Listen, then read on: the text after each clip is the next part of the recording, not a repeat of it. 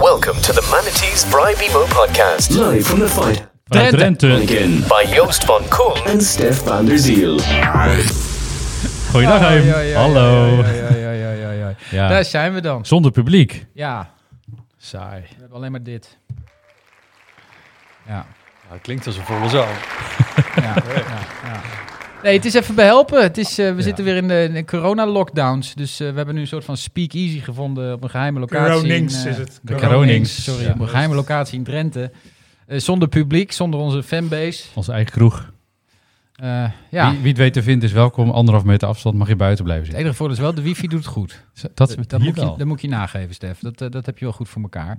Nee, leuk dat jullie weer eh, kijken, luisteren. Ehm, eh, vanaf de eetkamertafel van Stef. We hebben een ongelooflijk leuke gast vanmiddag. Eentje maar, want we, voldoen natuurlijk wel aan de corona-richtlijnen. Eh, Maximaal drie gasten. Maximaal drie gasten. Ja. Dus ik ben te gast eh, bij Stef. Sieger is de gast. En uiteraard is vriend van de show Henri hier natuurlijk. Ja, we hadden een mooie, mooie programma eh, ook eh, bedacht met eh, TikTok Tammo. Eh, Johannes, eh, die zou ook langskomen, maar die hebben we nu verplaatst naar over twee weken. Of twee weken. Dus eh, dat, wordt, dat wordt ook heel erg leuk. Maar we beginnen even met Sigrid Dijkstra. Want Sigrid, eh, bekende eh, Groninger uit Friesland. Uit Friesland. Ja, Leg dat, dat nou eens ja, uit. daar kun je ook niet heel veel aan doen, maar dat, dat moet je nog maar eens uitleggen zometeen. Eh, hier hoor. En het belangrijkste is wel, jij bent eh, op dit moment voorzitter van VNO-NCW Noord, de grote ondernemersvereniging. Klopt. Dus jij bent eigenlijk de grote ondernemersvoorman. Eh, Als, als het ware wel, ja. Eh, Ja. Als het ware, daar ben ik. Ja. Dus jij, jij spreekt namens alle ondernemers in het noorden. Nou, dat probeer ik. Het is moeilijk om ze allemaal eh, te horen natuurlijk. Maar dat is, dat is wel goed om het geluid af en toe te laten horen. Ja, ja. En hoe lang doe je dat nu ongeveer? Ik doe dat sinds januari. Dus ik heb eh, een eh, anderhalve maand eh, zonder corona kunnen rondhobbelen en kennis maken. En daarna ging de boel op slot. Oké, dus je had nog wel net je ten- kennismakersperiode vooraf. Ah, gelukkig ken ik de meeste mensen al. Ja, ja, dat ja. En hoe, hoe kom je nou bij zo'n functie? Dat vind ik ook wel interessant. Ja. Voor, voor over een paar jaar misschien. hè. Nou, ik, ik heb al, al Kost jaren... geld, Joost. Geld betalen. Oh shit, ja, dat kost geld, hè? Ja, dat is ook zo. Ja, nee, dus, eh, de, de- nee, maar jaren geleden dacht ik er wel eens van... Goh, ik zou eigenlijk wel eens iets leuks maatschappelijks willen doen... eh, waarbij ik met, eh, in Noord-Nederland ook wat kan betekenen.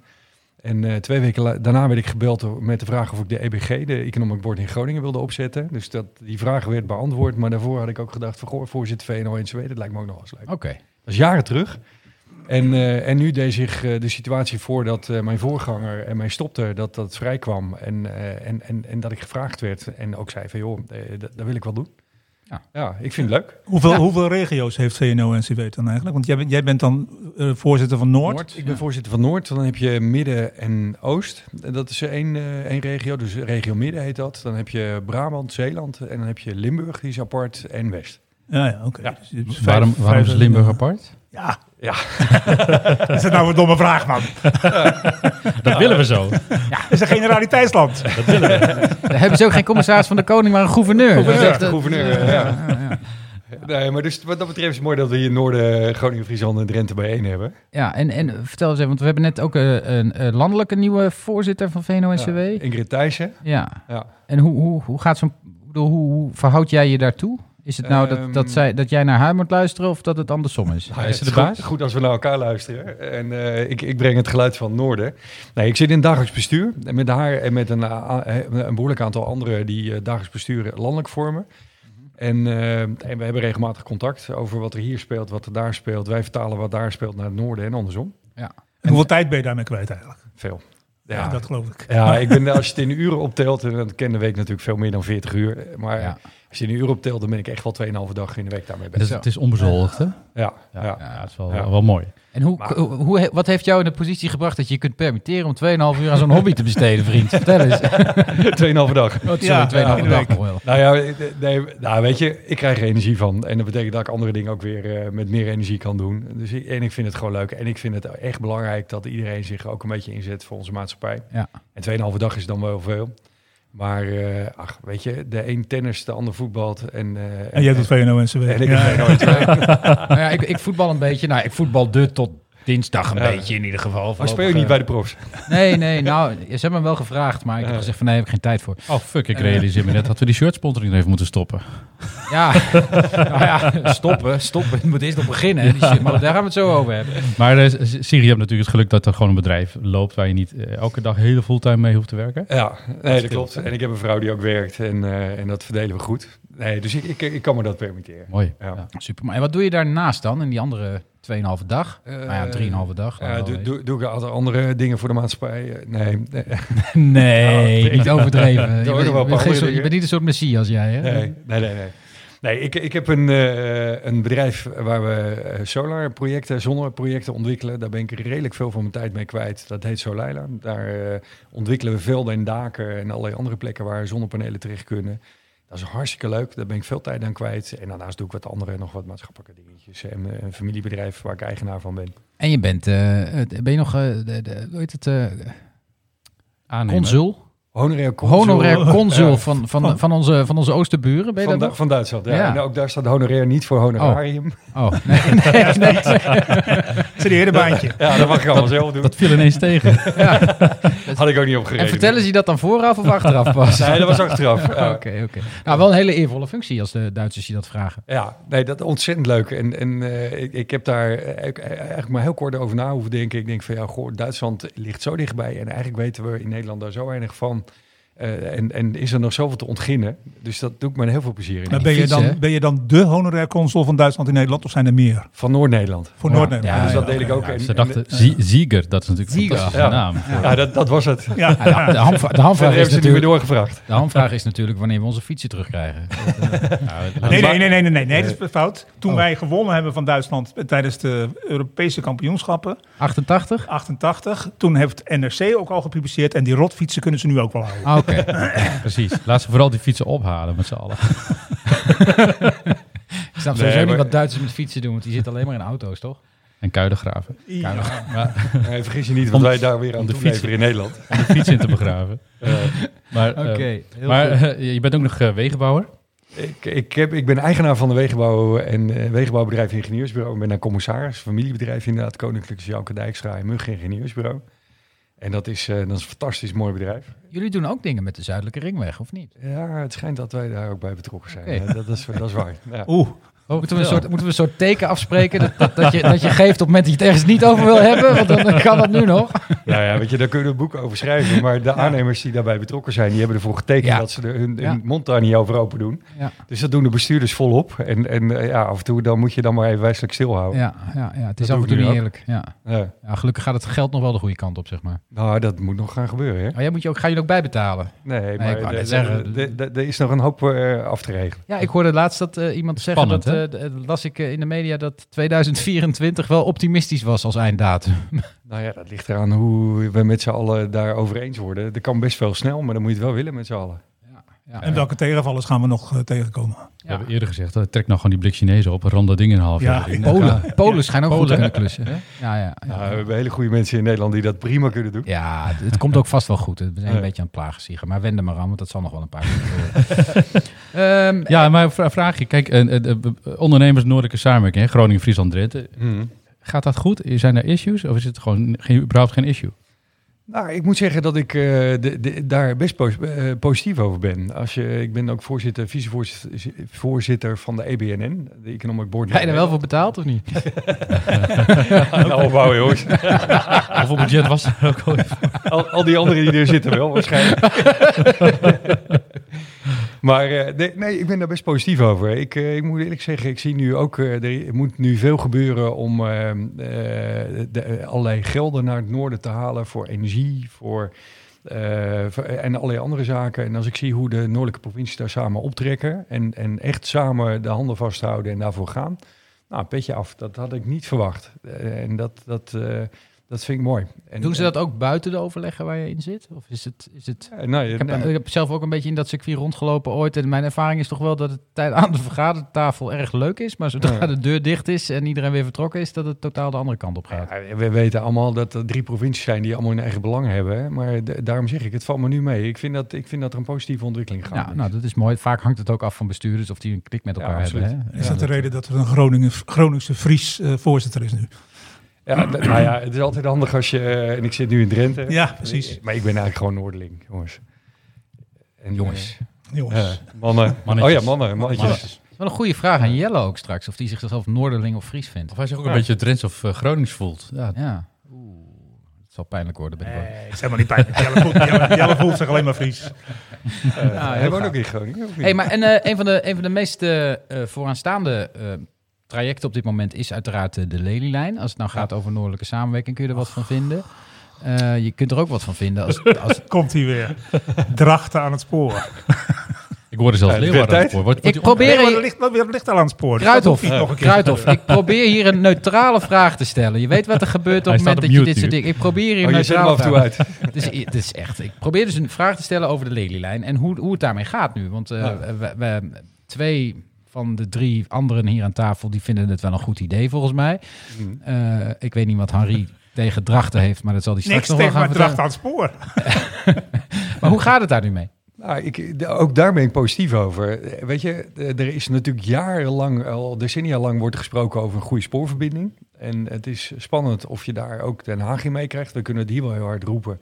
Maar ik zie toch dat allerlei partijen het in hun verkiezingsprogramma's beginnen op te nemen. Ik zie dat er steeds meer kranten, partijen schrijven over de Lelylijn, hoe belangrijk die is. En niet alleen in het noorden, maar ook daarbuiten. En, en ik zie dat eh, de tijden veranderen nu ook. Het belang dat wij de ruimte in Nederland gebruiken en de verbinding daar ook die daarbij past hebben. En dat we dat niet alleen via de lucht en over de weg doen, maar vooral ook met spoor. Eh Lubach had een mooi verhaal over treinschaamte, maar we moeten ons eigenlijk wel schamen dat we die verbindingen nog niet eerder zo hebben aangelegd. Ja, ik schaam mezelf ook altijd kapot als ik in een trein zit. Maar goed, dat is misschien niet wat hij helemaal bedoelde. Toen ze, toen ze dat stukje over Lelystad hebben aangelegd, werd de verbinding met Den Haag alleen maar langer en niet korter. Dus ik weet niet of dat. Ik hoop dat dat met de Lelylijn beter gaat. Nou ja, met de Lelylijn zou je in een uur naar Amsterdam kunnen gaan. En, dat is, eh, de, de, en, en we weten in Nederland, als je binnen een uur van eh, een plek kunt wonen, dan, dan kun je er ook werken. van, van deur tot deur, dat geloof ik. Nee, Ah, van station daar tot station. weer- Van station tot station. Via Drachten. Ja, dus als je bij het station... Ja. Wat de enige grote plaats in Nederland is wat nog steeds geen station heeft. Drachten is geen, geen grote, grote plaats. het spijt me wel, maar dit- sommige dingen kom je gewoon echt niet mee weg. Vroeger, weet je wat vroeger, de, dat, ik, Roland van der Schaaf, die is in, in dat gat opgegroeid. En daar heb ik nog Ja. een paar jaar mee samengewerkt.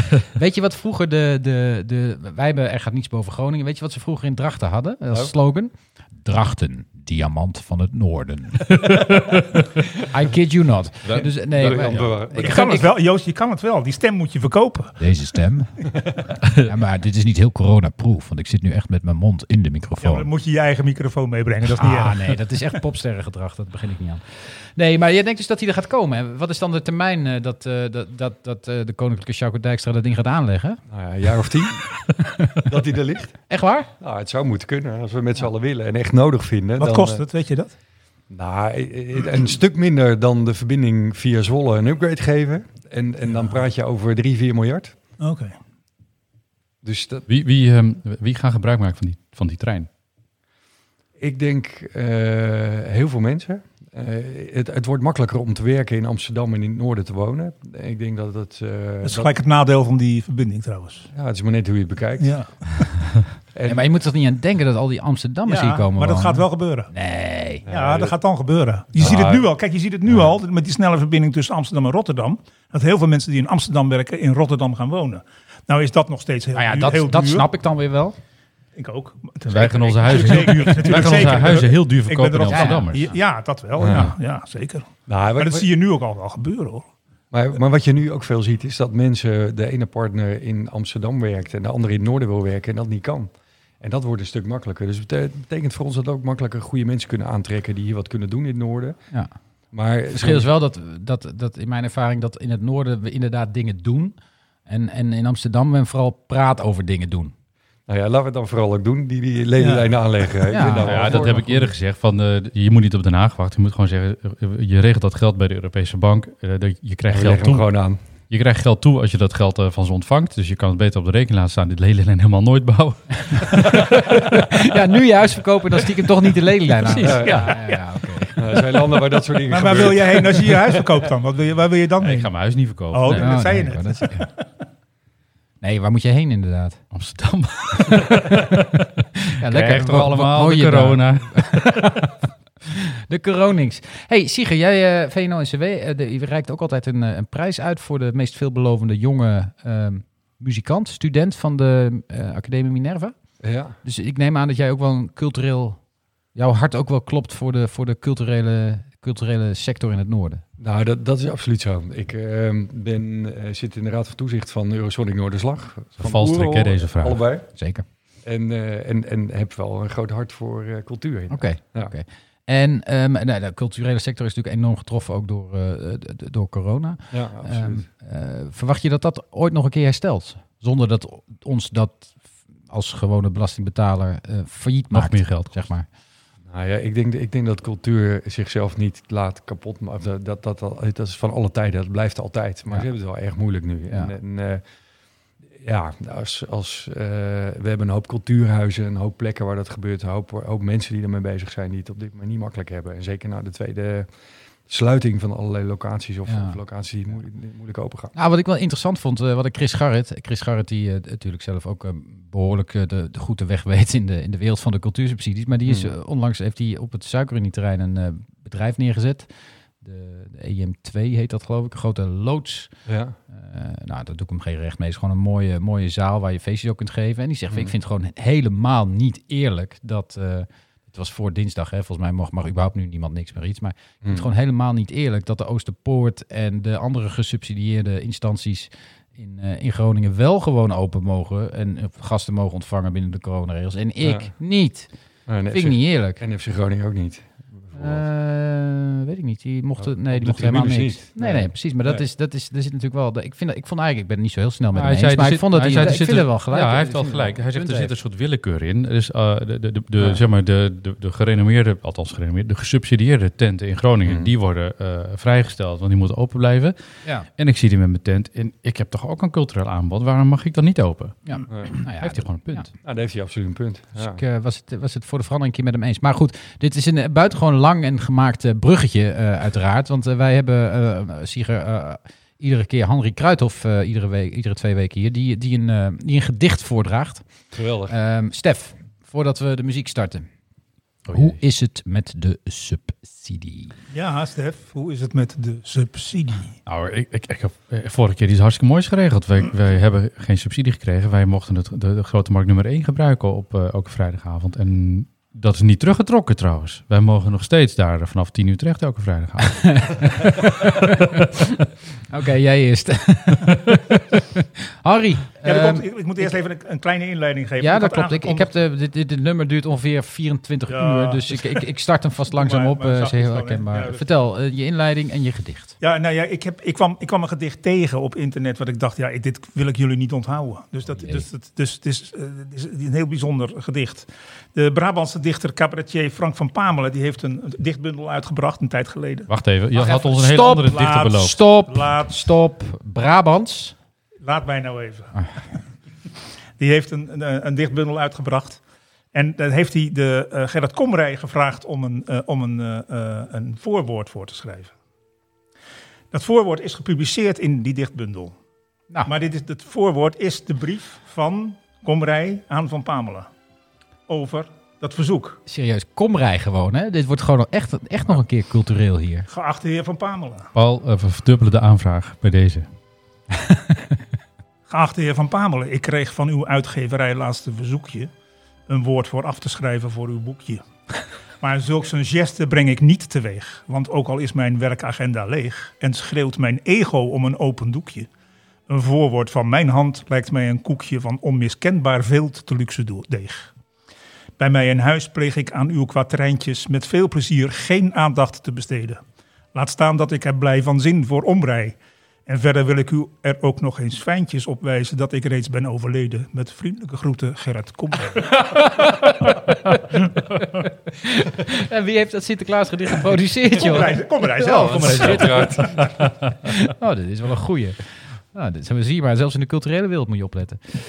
Ehm, vind jij dat er voldoende eh, wordt samengewerkt tussen de culturele sector en het bedrijfsleven, Sieger Dijkstra? Oeh, ehm, Vanuit je rol bij de, bij de eh, Sonic Noorderslag. Wat Nou, een ik- ik- fantastisch festival is trouwens. ja, absoluut. Nee, ik, Ja. ik, ik denk dat bedrijfsleven en cultuur elkaar best weten te vinden. Eh, maar, maar het zijn ook niet sectoren die nou totaal verweven hoeven te worden. Ze hebben allemaal hun eigen rol en functie. Maar eh, ik denk dat wel. Het het bedrijfsleven heeft eh, qua vestigingsklimaat hier in het noorden gewoon een mooi cultureel aanbod nodig. Om ook voor de Daar mensen heb je hier, wat hier met name in Groningen natuurlijk ook niet over te klagen. Daar hebben we zeker niet over te klagen in heel Noord-Nederland. Sterker nog. Groningen heeft een even groot cultureel aanbod als Amsterdam. Ja, Maar per hoofd van de bevolking nog veel meer natuurlijk. zeker. Ja, maar ik krijg daar qua vergoedingen eh, uit het westen de laatste tijd wat, wat, minder, eh, wat, wat minder toebedeeld. Ja, dat is niet goed. Nee. Dus, dus we moeten gewoon toch eh, Groningen onafhankelijk verklaren en die gasbaten allemaal terugvragen. En niet de 1,2 of 2 miljard die ze nu... De 300 eh, miljard, hè, wat er is eh, Gewoon- wat er uit, eh, Ja, uit de schaal terugwerkende Dus, eh, kracht. ja. Iedereen zo rijk als een oliesjeik. gewoon de grenzen dicht. Nee, nee, wacht even. We zijn hier in Noord-Nederland. Hè? Dus als we dat terug gaan claimen, dan komt dat nooit bij de normale mensen terecht. Dat gaat altijd naar de overheden. Dus dat komt dan bij de provincies en dat komt dan bij de gemeentes terecht. En die gaan er allerlei leuke goed. dingetjes van doen. Ja. Zoals met dat eh, nationaal programma, weet je. Dan komen er Dorpshuisjes. schitterende, schitterende gouden, gouden dorpshuis met van die grote zuilengalerijen ervoor Ja. waar je dan... Standbeelden van de Zeg maar- lokale bestuurders. Ja, sowieso. En van Sigrid Dijkstra natuurlijk. Nou, doe dan maar een pit van Omelux. ja, precies, precies. Oh, da- daar was wat mee, toch? Oh, jee. Stel nou dat we in één, in één keer zoveel geld zouden krijgen, of een 1% daarvan. We, vanmiddag eh, lazen we op RTV Noord dat, er, dat, er een, dat we dicht bij een soort van akkoord zijn. eh, Anderhalf tot eh, 2 miljard. Anderhalf tot eh, 2 deze kant miljard. Ja, dat is toch ook Vanuit niks. Den Haag ter compensatie van de, van de aardgassen. Dat is toch ook weer een fooi. Dat is echt is 0,2 helemaal procent. Dat is echt een fooi. Maar weet je, ik, Ja. ik snap het ook niet. Je moet gewoon vergoeden wat er aan schade is en wat er aan Nou, ding is. En, ik- en daar hoort een bedrag bij, maar dan moet je, ga je niet van tevoren vaststellen. Er Nee, is zoveel ik- geld voor beschikbaar. Ik zou hem willen omdraaien. Ik vind, ik vind ten eerste dat mensen die schade hebben, die zul je gewoon ruimhartig moeten compenseren. Ik denk dat als ze dat van het begin af aan hadden gedaan, had, was deze ellende überhaupt niet ontstaan. Maar goed, dat, eh, dat, Mhm. dat, dat kunnen we nu niet meer terugdraaien. Het tweede is, dat geld, als dat naar Noord-Nederland komt, dat is prima. Maar begin nou eens even met een paar goede plannen, jongens. Ja.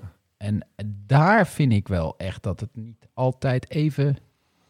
Daar heb, Nou, je, weet, daar, heb, daar heb je een hele krachtige commissaris van de Koning voor nodig. Eh, die ook eh, een goede deal voor zelf, zelf bedenkt van wat gaan we er dan mee doen. En dat niet Mhm. in de polder gooit met al die burgemeesters die allemaal hun eigen dorpshuis weer willen.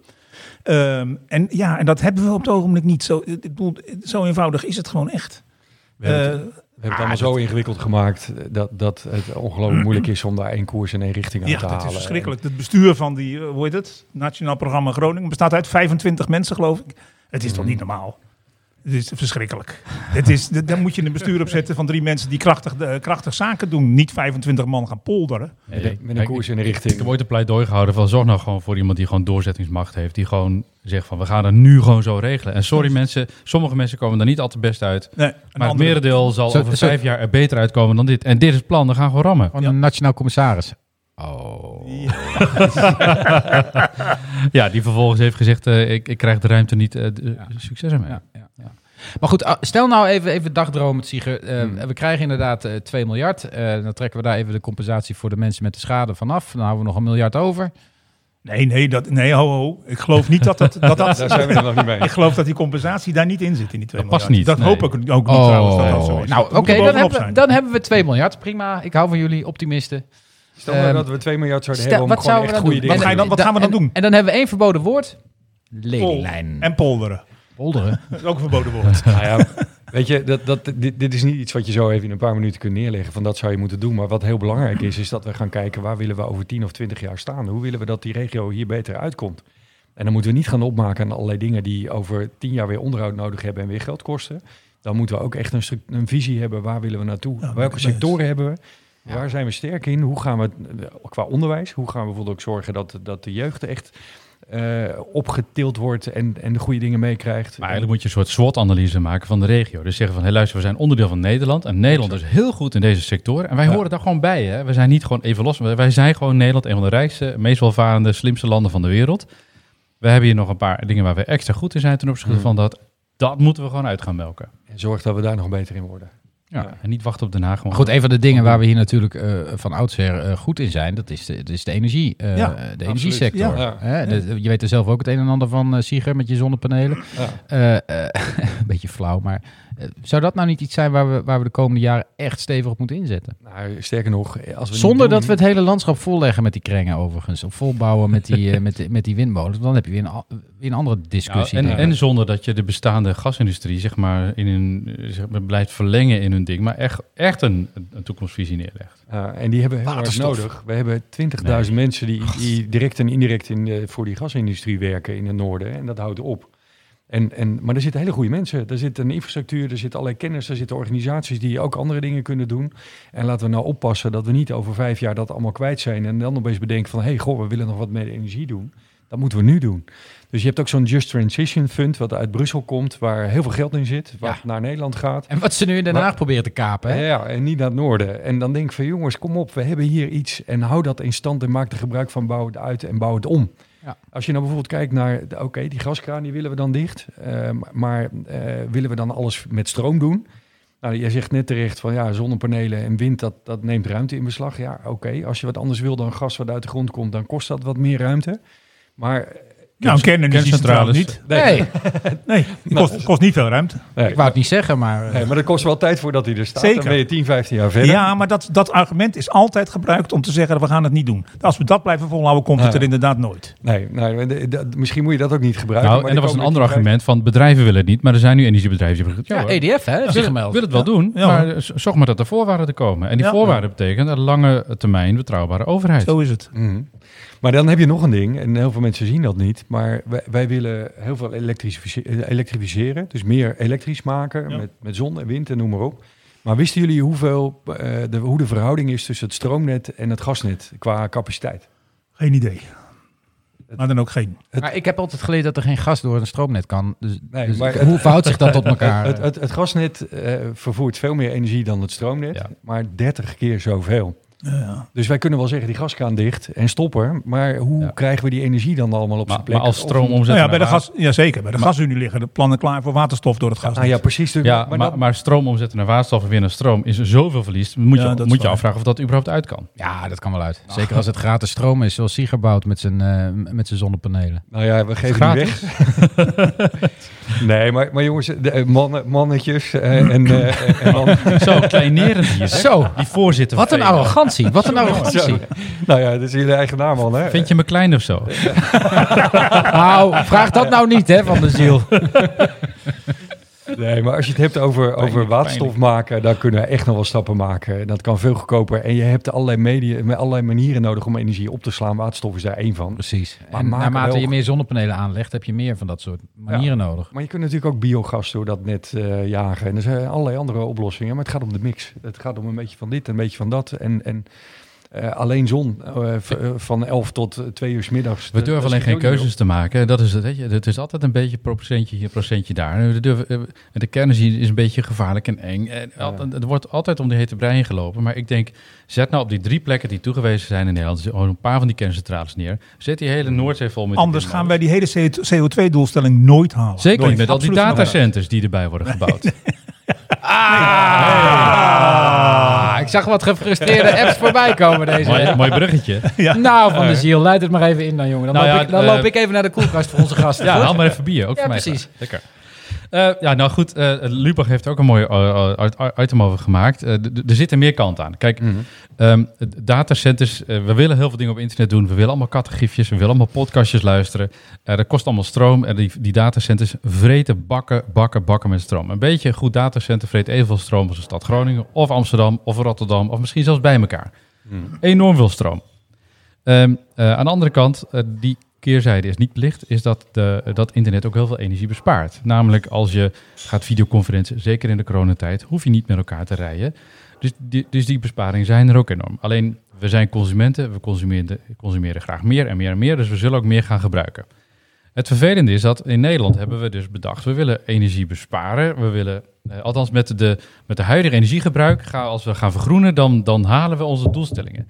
Maar goed, gooi er één datacenter bij en die doelstellingen haal je natuurlijk absoluut niet. Nee. Hè, en en het, het kromme is dat je dus eh, eh, met subsidie windmolens gaat neerzetten en dat die windmolenexploitant in één keer dat hele, die hele capaciteit verkoopt aan een datacenter. En de subsidie wordt niet aan, aan die huizen uitgegeven voor het vergroenen ervan, maar het gaat gewoon naar de datacenter toe. Ik denk, ja, Ja, moeten we dat nou doen? dit is niet handig. Het is natuurlijk gewoon gelul van een dronken aard bij dit. Hoezo? Nou, onderbouw dat nou eens. Nou ja, weet je. Ja. Nee. Kijk, die, die windmolens die worden neergezet niet met subsidie. Die windmolens worden daar gewoon neergezet met geld van het bedrijf dat daarin investeert. De stroom die wordt verkocht, die, daar wordt op gesubsidieerd. Dus de, de, de opwek, daar zit een onrendabele top op. Daar zit subsidie voor. En of die stroom nou uiteindelijk wordt verkocht aan het datacenter of aan een huishouden, dat maakt niet mee. Ja, Nou, dat maakt- uit. ja, dat Dat maakt wel De, uit. de tegenst- de wat, wat het probleem is natuurlijk, is dat met zo'n datacenter dat er meer stroom wordt verbruikt. Oeh, nou erg. Dus het is wel heel veel meer Ik, hoor, ik, hoor, je- ik hoor net Nee. iemand een warm pleidooi houden voor een nieuwe kerncentrale. ik zeg vooral neerzetten Joost, dat je ding. lult gewoon uit je nek, want die, die, die, die subsidie is wel degelijk bedoeld om Nederland te vergroenen. En als je dan al die subsidie gewoon duwt naar een datacenter die- wat die- nog meer stroom gebruikt, dat, Die, dat, die, die, dan gaat het die- verkeerde die kant op. subsidie is er bedoeld om het stroom, eh, eh, de stroom te vergroenen. Maar die is niet bedoeld om minder stroom op te wekken. Nee, meer. Nee, maar meer. specifiek voor, eh, voor de datacenters. Ja, nou, maar dan maak je toch Kijk, geen... kijk, bedoel, dat- natuurlijk dat ga je is meer gewoon- het is gewoon verbruiken, maar dat is toch datacenter subsidie hè, wat ze gewoon geven. Ik Het is vind gewoon het een- prima als, als de- een, zo'n datacenter economisch voor Nederland ook wat op zou leveren. Maar ja, aan arbeidsplaatsen levert zo'n datacenter geloof ik 10 of 20. Eh, misschien wel maximaal iets meer. 100. Nou, ja, 150 ja, of ja, zo. ja, nou, ja, maar dat is nog, nog steeds niks met Maar vergeleken bij de hoeveelheid Een datacenter Eens. levert Ja. eenmalig een aantal arbeidsplaatsen op. Omdat dat er het wordt, gebouwd moet worden. het worden Polen ingevlogen om dat ding te bouwen. Ja. Ja. dus dat levert geen Nederlandse baan op. Vervolgens staat dat ding daar. Wa- Wat gebeurt er in het datacenter? Dat is gewoon een hele grote hal met computers. Ja, een beetje onderhoud. Denk je nou echt dat als een harde schijfstuk gaat, dat er iemand heen gaat om dat dingetje te vangen? Nee, die computer wordt gewoon uit de pool gehaald. En gaan, ze gaan gewoon door. Eén keer in de zoveel jaar pas komt er een mannetje langs om een paar dingen te vervangen. Dus de, het, het aantal arbeidsplaatsen is minimaal. Het is geen hoogwaardige arbeidsplaatsen die je daarmee creëert. Eh, en Lubach had in die zin wel, wel gelijk. Op het moment dat je, dat je meer stroom afneemt in Nederland, is de verhouding duurzame energie gewoon, gewoon minder. We hebben, Tuurlijk. wij streven naar bepaalde verhoudingen. En, eh, en dat wordt steeds moeilijker Tuurlijk, als je, ik als je vind het- ik vind- gaat hebben. Ik vind het altijd wel bijzonder, hè? want aan de ene kant hebben we altijd discussies over eh, de Googles en de Facebooks van deze wereld, de WhatsApps en de Telegrams, zodat we niet weten wat er met onze data gebeurt. Mhm. Ja, sorry hoor, ik, vind, ik zou zeggen, eh, zet nog een paar van die dingen neer, dan weet ik in ieder geval dat mijn data goed Ja, dat- beschermd dat is is onder heel Nederlands veilig. recht. dat is een andere keerzijde. Weet je, de- dat, is, dat, dat, Nee, dat vind ik, vind Kijk- ik comfortabel. Kijk, als jij een datacenter En bovendien, laten we niet vergeten, hè, jongens, die, die hectares die je verkoopt. ehm, ik, ik, ik heb daar ooit op Westpoort wat berekeningen over laten voorbij komen. Die, die, dat gaat per vierkante meter. En die datacenters die gaan per nou, 10 hectare ongeveer. Dat gaat wel hard. Eh, dat gaat wel hard, hè? Eén zo'n datacenter op Westpoort en de gemeente Groningen kan de komende 10 jaar zijn, eh, zijn begrotingstekort dichten. Hè? Plus- plus dat is de heel mooi. Ja, maar is dat dan, het doel, is dat dan de Plus, plus, doelstelling? plus je OZB-inkomsten. Want het, ik bedoel, je kunt zeggen wat je wil. Er staat wel heel, Ja. voor heel wat En waarde. weet je, en weet je, wat, weet je wat over. nou kut is? Die gemeente die gaat vervolgens calculeren. Die zegt, oh, in het einde der tijden houden we die OCB binnen. En over tien jaar zegt Google, ja, het is nu niet rendabel om dat ding hier te hebben. We flikkeren de ding onderuit. Eh, de su- succes met je vierkante We zitten nu in Polen.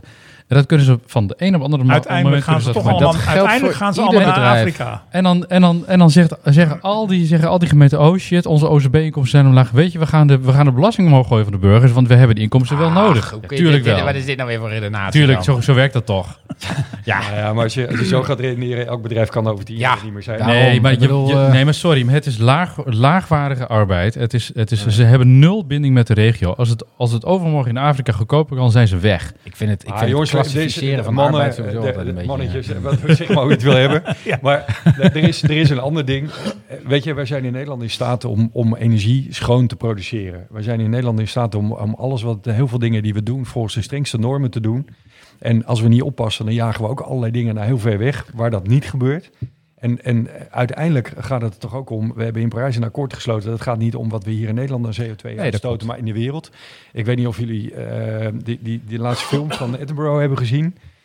Dat Eh, niet. dat- nou, ik raad hem je aan, maar, maar die plaatsen het in een grote kader. Ik, en en, en eh, weet je, wij zullen ook een aantal dingen in de wereld met, met z'n allen moeten oplossen. En laten we alsjeblieft niet alles Nederland uitjagen naar landen waar met veel meer vervuiling alles wordt geproduceerd. Helemaal mee eens. Helemaal eens. ook nog Maar, tegelijk, laten komen. maar tegelijkertijd moet je dan wel in, met- eh, met- in je doelstellingen rekening houden met het bouwen van al die datacenters. En dus een veel hogere ambitie ding. neerleggen voor je vergroening. En niet al die subsidie meteen doortikken. Want laten we eerlijk zijn, dit is gewoon een deeltje geweest tussen die gemeente en Microsoft of Facebook en, het e en EZ. Die zeggen, ja, we subsidiëren de windmolenparken wel of die stroom wel. Prima, kom maar hier. Dat, En, en de Zweedse energiemaatschappij. ja. Dus, wat, dus per saldo heb je er niet ontzettend veel aan met z'n allen. Maar er is één voor, voordeel wat ik wel vind, is dat ik heb liever die datacenters in Nederland dan elders, omdat het een strategische positie is om te hebben dat al die dingen hier staan. Want de data is dan wel in jouw nou ja, beheer, zeg maar. Onder, valt onder jouw juridische wetgeving. Liever hier dan ergens in een land. Maar is die Nou ja, wetgeving daar nu op toegerust? Nee. Jawel, in Nederland Nou, wel. Ja, Voor die datacenters? Ik geloof Zeker. er niks Maar, van. Ja, maar ja. Wat, wat hebben de Amerikanen over deze data Dus eh, alles. te zeggen? nou, Alles. Dat, Oké, nou, dat, dat, is, dat, is, dat is toevallig dingetje waar ik heel veel mee bezig ben. ben. De, de Europese wetgeving is extreem strikt. Die zegt, eh, als jij persoonsgegevens opslaat, en dat kan zoiets simpels zijn als een IP-adres, dan, ehm, dan, dan moet jij dat in een land doen waar dat veilig is. Waar, waar, de, waar, de, waar de wetgeving op zo'n dusdanig niveau is waar dat, dat goed is. En in Europa is het voor elkaar. Ook in een aantal andere landen, bijvoorbeeld Argentinië zelfs, is dat ook goed voor elkaar.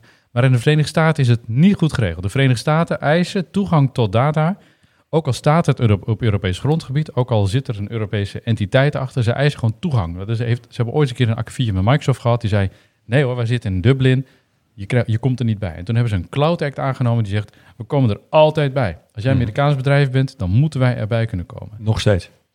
Zeker nog steeds. Dat Dus, geldt voor China natuurlijk ook. dus ook al slaat Facebook of LinkedIn of wie dan ook gegevens op in een datacenter in de Nederlandse polder, zelfs al hebben zij een Nederlandse dochtermaatschappij, dan zegt de Hmm. Amerikaanse overheid hier met die gegevens.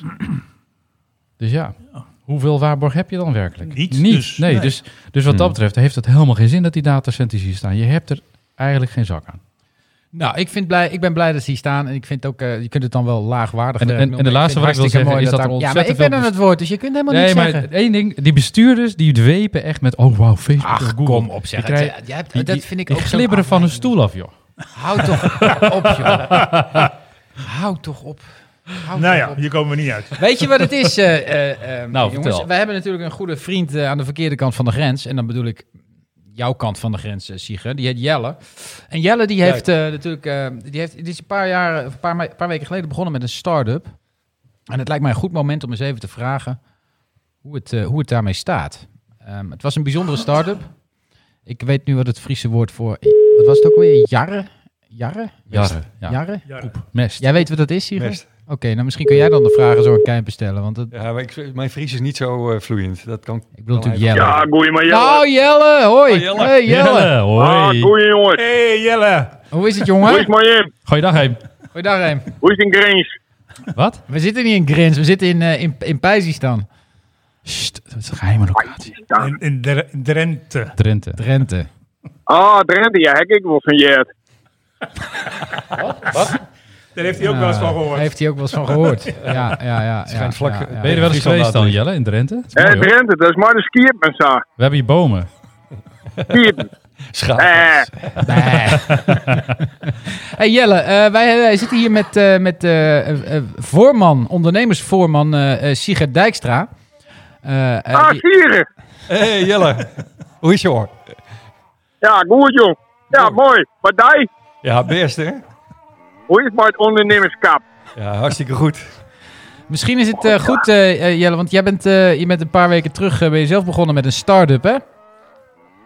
Ja, ja, ja, best wel waarachtig. Wis en Maar de jaren, hè?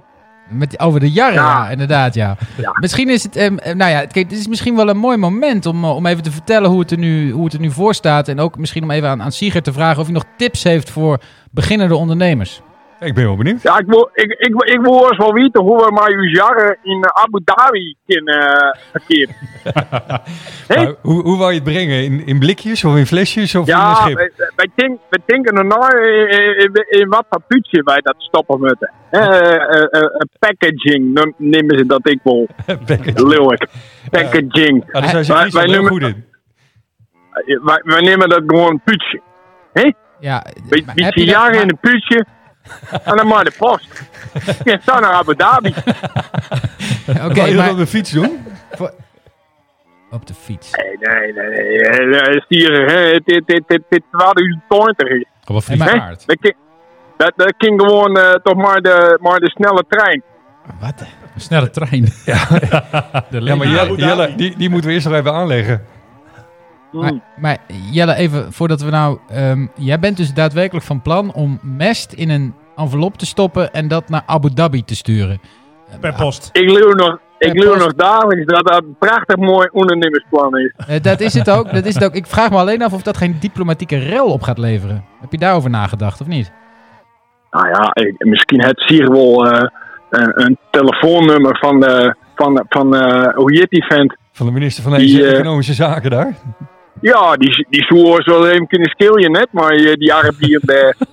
Nou, ik, denk- ik denk dat ze best mes kunnen gebruiken daar. En liever, liever van, eh, van koeien dan van varkens. Sigrid, spreek jij een beetje Fries trouwens? ik, ik versta het heel goed, maar eh, Je spreekt het spreken, niet. daar waag ik me niet aan. Oké, Nou, hoor je dat Jelle? Hier, de beste regenvries. Het is wel een beetje Fries hier. Hè? Ah, het- Hier, dat is echt, een- wiske. echt een Fries namen.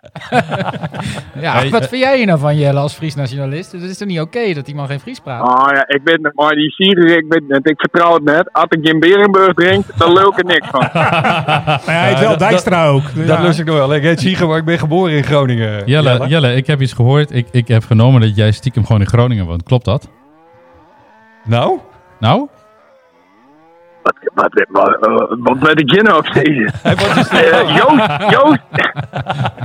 ik jij niks meer. Oké, nou Stef, bedankt voor het doodslaan van dit gesprek. Eh, Jelle, eh, eh, succes jongen met je jarren. En eh, eh, even uitkijken naar wie je die mes stuurt in Abu Dhabi. Hè? Want Stuur voor, maar eens een envelopje. Voor, voor het weet staan Onder voor de oren punt. keer, jongens. Oké, dankjewel. Ontje. Ontje. hoi, Tot hoi. Goeie. Hoi. Goeie. Nou weer mee moet. Mest in een envelopje sturen naar Abu Zie je wat Dhabi. dichtklikken en een postzegel erop slaan. Heerlijk. Nou, het getuigt wel van ondernemerschap. Dat is wel hij durft wel. Ja, zeker. Ge- eh, als het gedroogde mest is, dan hebben ze nog, nog een probleem. Dan hebben ze ook water nodig daar in Abu Dhabi. Ja, maar dat mes trekt water aan, heb ik wel Ja, dat is wel waar. Ja. Ja, het is vreselijk. Jongens, zullen we het eens even over de coronamaatregels gaan hebben? De coronings. Ja. Want eh, dat is toch wel, ehm, ook voor ondernemers, ehm, vreselijk. Zelfs wij hebben er last van. Wij zitten zonder publiek niet in een kroeg. Ja, terwijl normaal gesproken staan, zitten hier gewoon hordes gillende fans. eh, eh, Dames, ons Ja, vooral ook. Ja, veel vrouwelijke fans ook altijd. Ja, dat is wel waar. Ja, dat is wel waar. Ja. Maar dat komt door jou, Henri. Ehm, nee, maar het- het is natuurlijk, het is, we zitten nou in de tweede lockdown, mag ik wel noemen. Want die, die Ja, bijna eerste, lockdown. of je hem nou intelligent of gedeeltelijk Nee, noemt, het blijft gewoon een lockdown. Het is gewoon echt vreselijk irritant.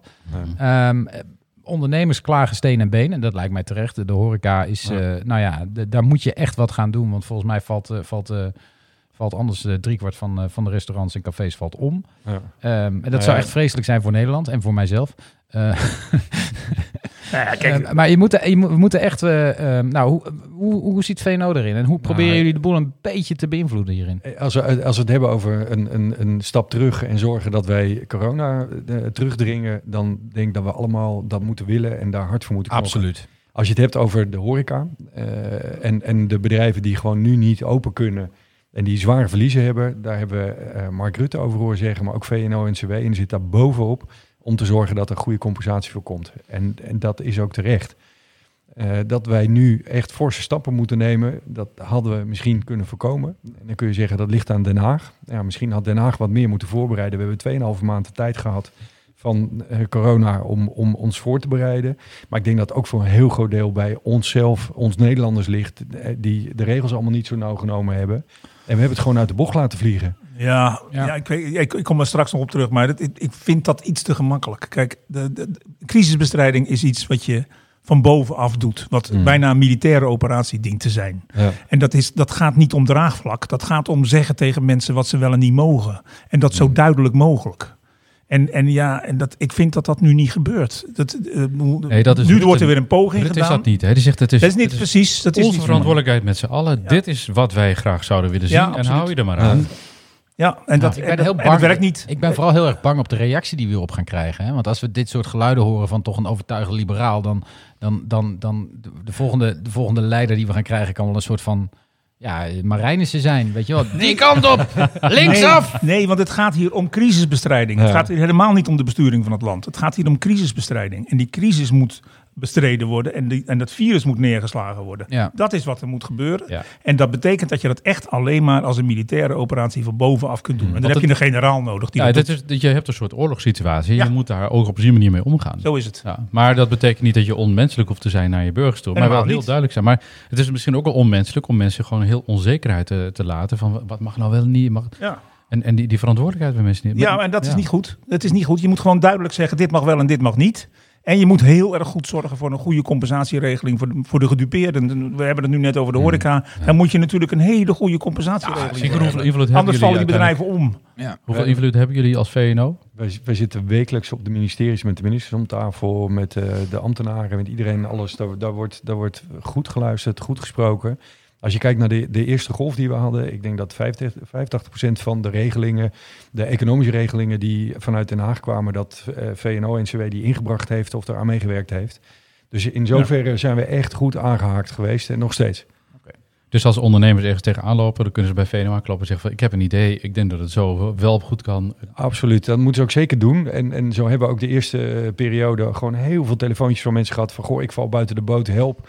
Eh, Mar- Mark Vletter bijvoorbeeld, die, die op een gegeven moment kwam met thuiswerker, die daar iets over had. We hebben in anderhalve week voor elkaar gekregen dat er op het ministerie een regeling kwam dat de, de, de, eh, het geld wat mensen belastingvrij kunnen krijgen, dat dat eh, van 1,7% naar 3% werd opgeschroefd voor dit jaar. Dus we kunnen heel snel schakelen als het moet. En daar moeten de, onze leden, de ondernemers ook gebruik van maken. Dit ging om thuiswerkvergoeding. Hè? Dan mag je Ja, ook ja. als je als, Ja. als, je als Ja. ondernemer voor een werknemer iets wil vergoeden, dan moet je 80% belasting betalen over Ja. Ja. eh, een internetverbinding of een telefoontje of een computertje. Echt bizar. En dat Ja. is, da- daar is een vrije voet voor, eh, voor vergroot. is eh, 3% van de loonsom geworden voor dit jaar. Volgend jaar nog niet, dus dat moet nog geregeld worden. Maar het was natuurlijk ook van de zotte dat iedereen opeens thuiswerkplekken moest inrichten. Dat de werkgever het wil vergoeden en dat hij zoveel belasting ervoor moet betalen. 80%. Hè? Dat gaat nergens ja, over. belachelijk. Ja, ja, dat slaat nergens op. Sowieso Ja. belachelijke regeling. Ja, ja, ja. Nou ja, je hebt al een aardige thuiswerkplek, eh, Stef. Ja. Zeg, eh, heb, je, heb jij daar zoveel belasting over betaald? is geen vrees van wel. nee, nee, dat is alimentatie. Dat is wat anders. ik, heb, nee, ik, ik heb de bovenste etage van de hele belasting, die zit gewoon gefinancierd. Oh, oké. Kijk, dat denken er meer in Nederland volgens mij. Maar ik denk dat het een hele dure verdieping is uiteindelijk. eh. Precies. Nee, maar goed, eh, wat ik wel een beetje heb gemist de afgelopen maanden... en ik zag daar nou ja, bij die persconferentie dinsdag een klein beetje van terug... maar nog niet heel veel, is een soort van perspectief. Hè? Waar gaan we nou heen met z'n allen? Mhm. Want dit virus, dat blijft, hè? dus net als de griep, dat blijft ook. Ehm, Ja, maar je moet het toch ja, niet... dat vind ik, nee, dat vind ik te pessimistisch. Kijk, Nee, dat, nee, oh, oh, virus, laat me nou even Oh. mijn- mijn zin afmaken, Kruidhof. Maar dat betekent dat we er op een of andere manier mee moeten gaan, gaan leven. Er komt, een, er komt een, eh, een vaccin aan. Dat, ze verwachten dat voor de kerst. Maar vervolgens moet je ook wel logistiek heel goed regelen... dat de juiste mensen zo snel mogelijk worden gevaccineerd. Eh, ja, we zullen er uiteindelijk op de een of andere manier... wel mee moeten leren gaan leven. Ja, zeker. Dat is zo. Overigens horen we heel veel over vaccins. Hè, dat die hopelijk dus nog voor het eind van het jaar beschikbaar komen. Jij bent een van de eerste die het krijgt, hè? Ja, ik ben risicogroep, hè, dan krijg je dat. En ehm obese, oud, Ik zeg niks, ik zeg niks. longpatiënt. Dus nou, het komt allemaal goed. Man, blank. Man, blank, Zwarte ook Piet nog fan. vreselijk. Het is allemaal heel erg. Ja, je moet niet zeggen dat je Maar- fan bent van Zwarte Piet, dat maar- krijg je vast later. Wat op dit moment een veel interessantere ontwikkeling is eh, eh, in, in het hele kader van corona, is dat er ook medicijnen, dus geneesmiddelen, eh, worden ontwikkeld, die ook heel veelbelovend zijn. Dat betekent dat als je het krijgt, ga je, ga je pillen slikken, is het weer weg. Ik bedoel, dat is, dat is ook prettig als dat goed, eh, goed geregeld wordt. En, en ik denk dat we daarmee, zeg maar, de corona ook weer kunnen terugbrengen tot ja, wat de griep eh, altijd al is. Dus die krijg je ook altijd terug. En corona zal ook wel in die zin ook wel blijven, maar niet in de ernstige vorm zoals die nu is. Oké. Nou, het, het goede van de, de coronasituatie en de communicatie vanuit de overheid op dit moment is dat zij eh, ehm, tegenwoordig heel goed aan het, eh, nou ja, juist die communicatie doen hè, via Postbus 51.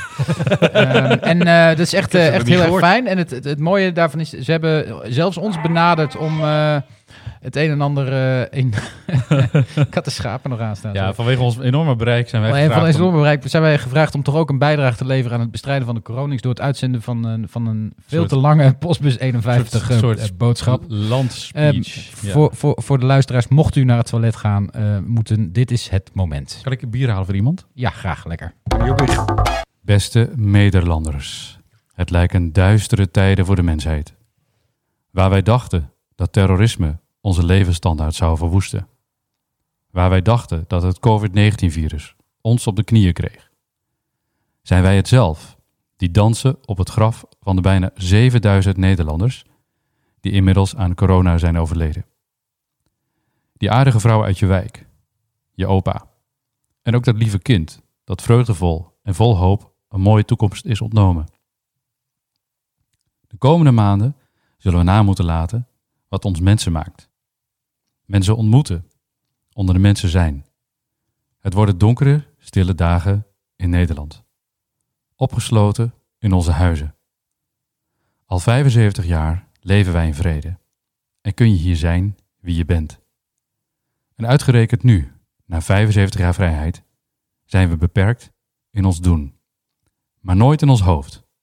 In ons hoofd zijn we vrij. In Nederland gaat het niet om waar je vandaan komt, maar om waar je naartoe gaat en wat je doet voor de mensen om je heen. Dit is niet de tijd om elkaars tegenstellingen op te zoeken, maar juist van verbroedering en trots zijn op elkaar. De helden van 2020 zijn de mensen die thuis blijven, die zo helpen anderen gezond te blijven. En ja, er zijn er veel die de pijn voelen van leven en overleven. Ook al zijn we thuis, we zijn niet stil. Integendeel, deze leeuw, die tem je niet. Deze energie, dit vuur, het vuur van leven, het vuur van vrijheid, dit vuur gaat harder viral dan dat virus. Samen blijven wij thuis en laten we ons prijzen dat er geen beter moment is om in een pandemie terecht te komen dan nu. Via social media blijven we allemaal verbonden. Wees lief voor elkaar en we zullen sterker uit deze crisis komen dan ooit tevoren. Hup, mensheid. Overheidscommunicatie. Hup, mensen. Oh, jongen, jongen, jongen. Nou, nog iets over Deze leeuw, die tem je niet. Je kreeg je die nou toegestuurd van Mocht u- Volksmuseum 51? mocht, u, mo- mocht u nog een goede, goede eh, predikant nodig hebben, Stefan de Ziel, at, eh, eh, zijn naam demannetjes.com. we hebben hier wel eh, heel veel geld voor gekregen, dus ja, prima toch? Ja. Hup, mensheid. Jongen, jongen, jongen, jongen. Daar moet ik maar weer mee doen. Ehm, maar goed, het is, eh, ja... Ik, het is ook gewoon een, een totale aaneenreiging van clichés. het was echt het was eigenlijk best wel heel knap Ja, gedaan. is knap gedaan. Het is, eh, ja, ja, ja. Leuk. Nou, eh, Hup Mensheid. De volgende is eh, eh, Hup Henri. Ehm welke hadden we er ook weer? Debbie Dos Dallas deden we er altijd onder, hè? Zeker. Ja. Henri met zijn column, die gaat ongetwijfeld ook weer tot gesprekstof leiden. Ja. Dus ik, ik beloof nu al dat we uitlopen. Want we moeten het ook nog over de, de sponsor eh, hebben. Eh, even kijken hoor. Nou, Henri, eh, eh, eh, Henri Kruithof. Overigens, even. eh, ik zat dus zondagavond bij, de relevantie van deze, deze Ja, podcast. ja, eh, ja, ja, zeker. ik zat eh, dus bij, eh, bij de NTR op zondagavond om 8 uur, het moment dat niemand luistert. En jij zit dus gewoon op, op maandagochtend, zat jij bij Wakker Nederland. En- Landelijk tv, En hè? Bert, Bert Huisjes stuurde mij, dat is de directeur, hoofdredacteur daar, die stuurde mij de volgende ochtend de kijkcijfers toe. ja. 1,4 miljoen. ja, natuurlijk. Want wij hadden het via ons Twitter-account van de mannetjes, hadden wij, even, hadden wij dat even aangekondigd. Dus dat, dat snap ik dan weer wel. Dan krijg je weer bezoekers. maar was het een leuke uitzending? Was Ja, het je- was een leuke uitzending. Ja, maar het is tegenwoordig zo lang. En, en je moet er ook zo vroeg voor op. Kwart voor vijf staat de taxi voor de deur. Dat is Maar wel erg vroeg. Wat, wat, wat wel grappig was, ik zat dus in die, in die bus met de NTR eh, eh, op zondagavond. En er was een Rudy. En die vertelde dat hij zo, de volgende dag eh, dat hij een ritje zou, was taxichauffeur. Die vertelde dat hij een ritje zou hebben naar WNL de volgende dag. Ja. Maar dat heb je. ja, ja, ik vond Ja, het wel een, eh, wel een leg het wel opvallende. uit. Ja. Ja, ja dat doe Heb maar je na hem gevonden, afloop. Joost? Debbie? Was Nee, het met Debbie? Baukelien. Zeehonderd Bad Baukelien vind ik ook leuk nog. hoor. Baukelien vind ik ook leuk. Ja, maar dat, dat, dat gaat er doorheen. eh, Ja, dat weet ik. eh, even Debbie, je moet Debbie vinden, maar ja, Debbie staat er niet meer op. Eh, ga je gang, eh. Ja, oké. Communicatie is een vak. Een moeilijk vak. Dat bleek deze week maar weer eens. Dat stomme volk houdt zich niet aan de adviezen van het kabinet. Dringende adviezen nog wel. Dat zouden ze toch moeten begrijpen, zo liet premier Rutte niet na te beklemtonen. Hij dacht kennelijk dat dat voldoende was. De oplettende luisteraar zal wel denken, logisch dat die Kruithof zegt dat communicatie een moeilijk vak is. Hij zal wel hengelen naar een mooie klus bij de overheid. Hij weet het natuurlijk weer beter. Is Nou, om te beginnen heb ik wel de nodige ervaring in crisiscommunicatie. De oudere luisteraars herinneren zich vast nog wel de varkenspest en de gekke koeienziekte. Gedurende beide crises was ik verantwoordelijk voor de communicatie van het verantwoordelijk minister van Landbouw. Dus ik heb enig recht van spreken. Ook toen is er van alles fout gegaan, maar hebben we ook heel veel geleerd. Ik heb het nu natuurlijk over corona en de manier waarop de overheid probeert deze nare ziekte onder controle te krijgen. De aantallen nieuwe besmettingen, ziekenhuisopnamen en bezette IC-bedden lopen weer gierend uit de hand. Tot wel meer dan 7000 per dag. En wiens schuld was dat nou eigenlijk? Rutte heeft gelijk dat een behoorlijk deel van de bevolking zich onverantwoordelijk gedraagt. Culminerend in een corona-slotfeest in een café aan het Haagse plein op nog geen 50 meter van de ingang van de Tweede Kamer. Woensdagavond liet een hossende menigte het zich nog even goed smaken, Want na tien uur zouden alle horecazaken weer voor vier weken sluiten. En ze hielden zich keurig aan de anderhalve centimeter afs- afstand. de kroegbaas kon er ook niks aan doen. Ik ben geen politieagent, stamelde hij als reactie op het schandalige gedrag van zijn cliëntelen. Maar de overheid gaat ook niet vrij uit. De Rijksoverheid beschikt over vele honderden communicatie-experts. Je zou toch denken dat, er iets, dat die er iets van begrijpen. Maar hoe is het dan in vredesnaam mogelijk dat premier Rutte op dinsdagavond om 7 uur aankondigt dat de horeca woensdagavond om 10 uur de deuren dient te sluiten, om die vier weken lang niet meer te mogen openen?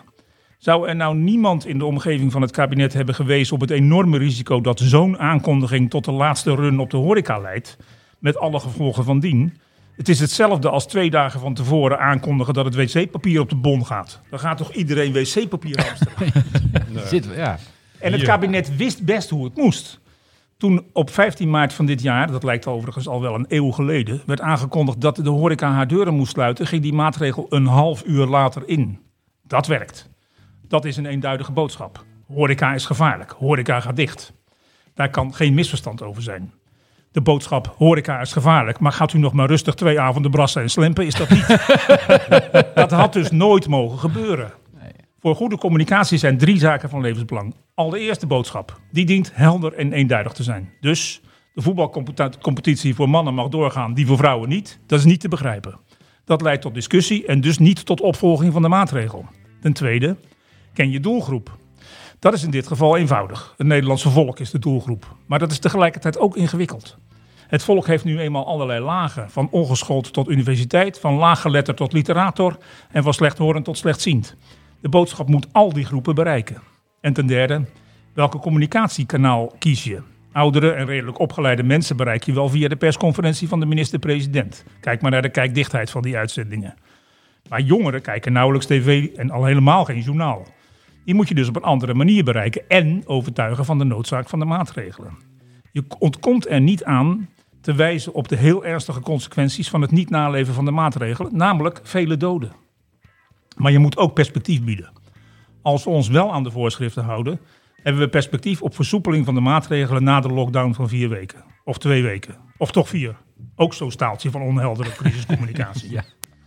De communicatieaanpak van de Rijksoverheid is de verantwoordelijkheid van het Nationaal Kernteam Crisiscommunicatie. Onder leiding van de directeur communicatie van het ministerie van Justitie.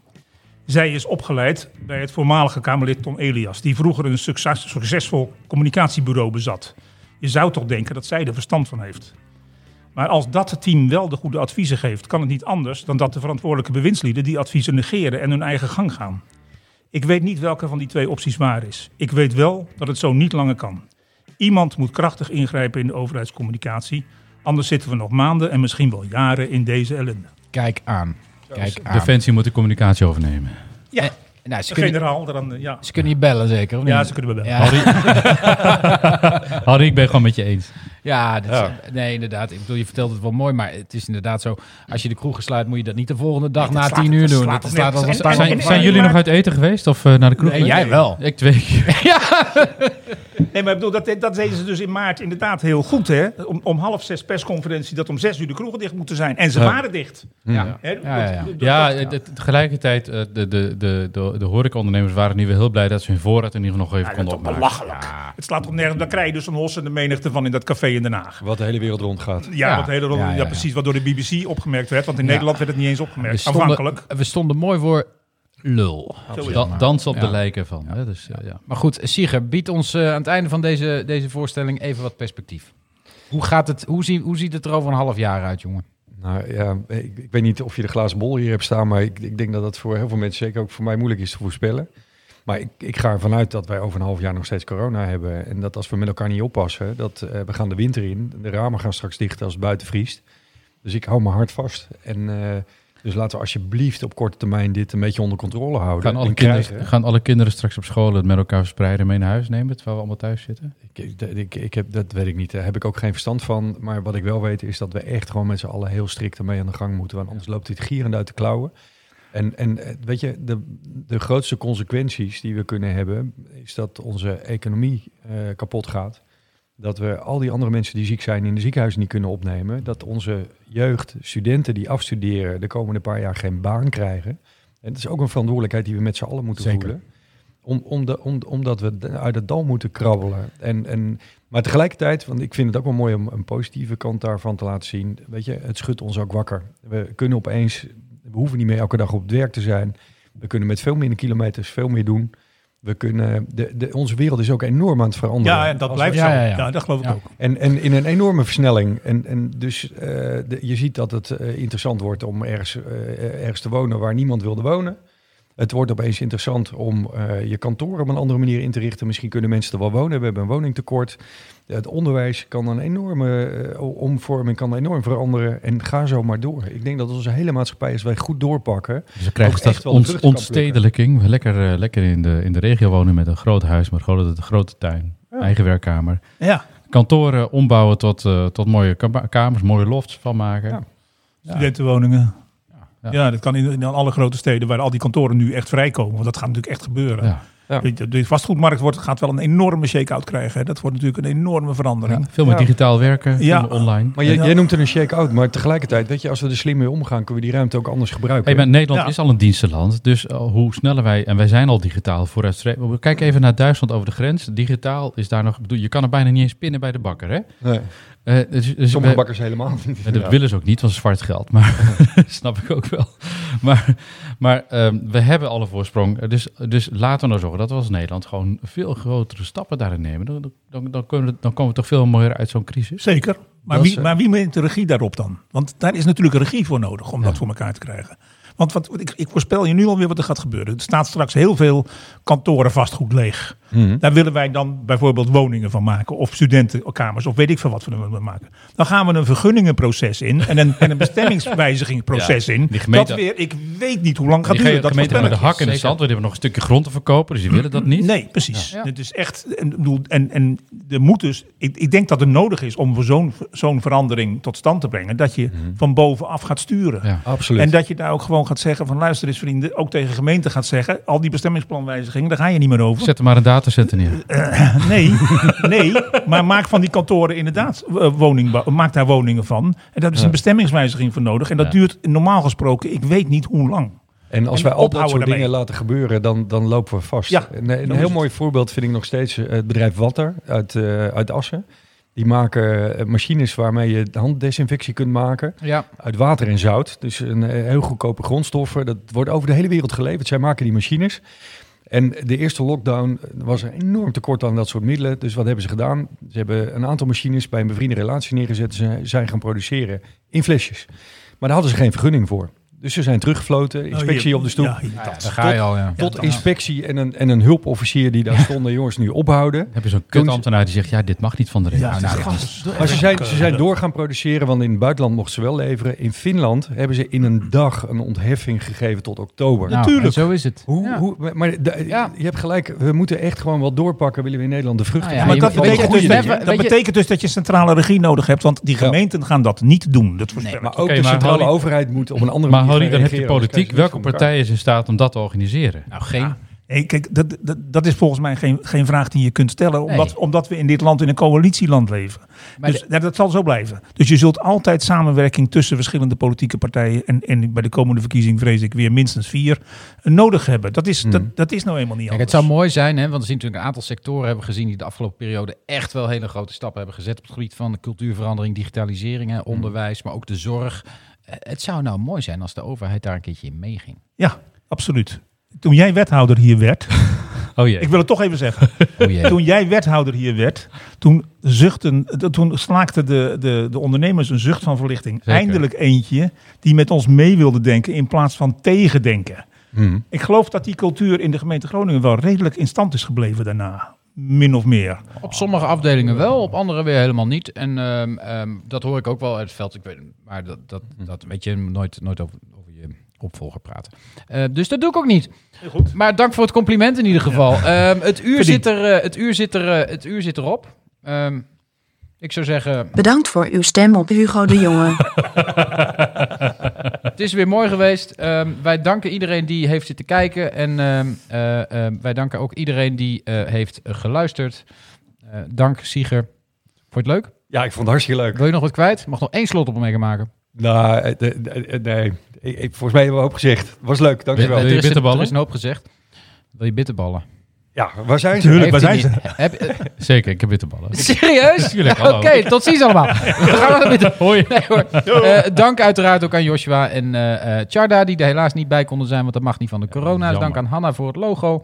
Dank aan Van de Ziel Studios BV voor het beschikbaar stellen van de ruimtes.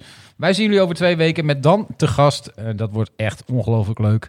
Nog leuker misschien wel dan vandaag. Sorry, TikTok. Tammo. TikTok Tammo. Maar dan in de hoofdpersoon eh, TikTok Johannes himself. Ook weer hier TikTok zeker dan. Tammo. Ik denk wel hier. Ja, waarschijnlijk denk- hier, ja. Mag bij jou thuis, mag ook. Nou, dit is beter. Goed zo. Eh, beste mensen, tot ziens. Goed weekend. Hoi. Later. Nu al een kutprogramma. Nu al een kutprogramma. Nu. Nu al een kutprogramma.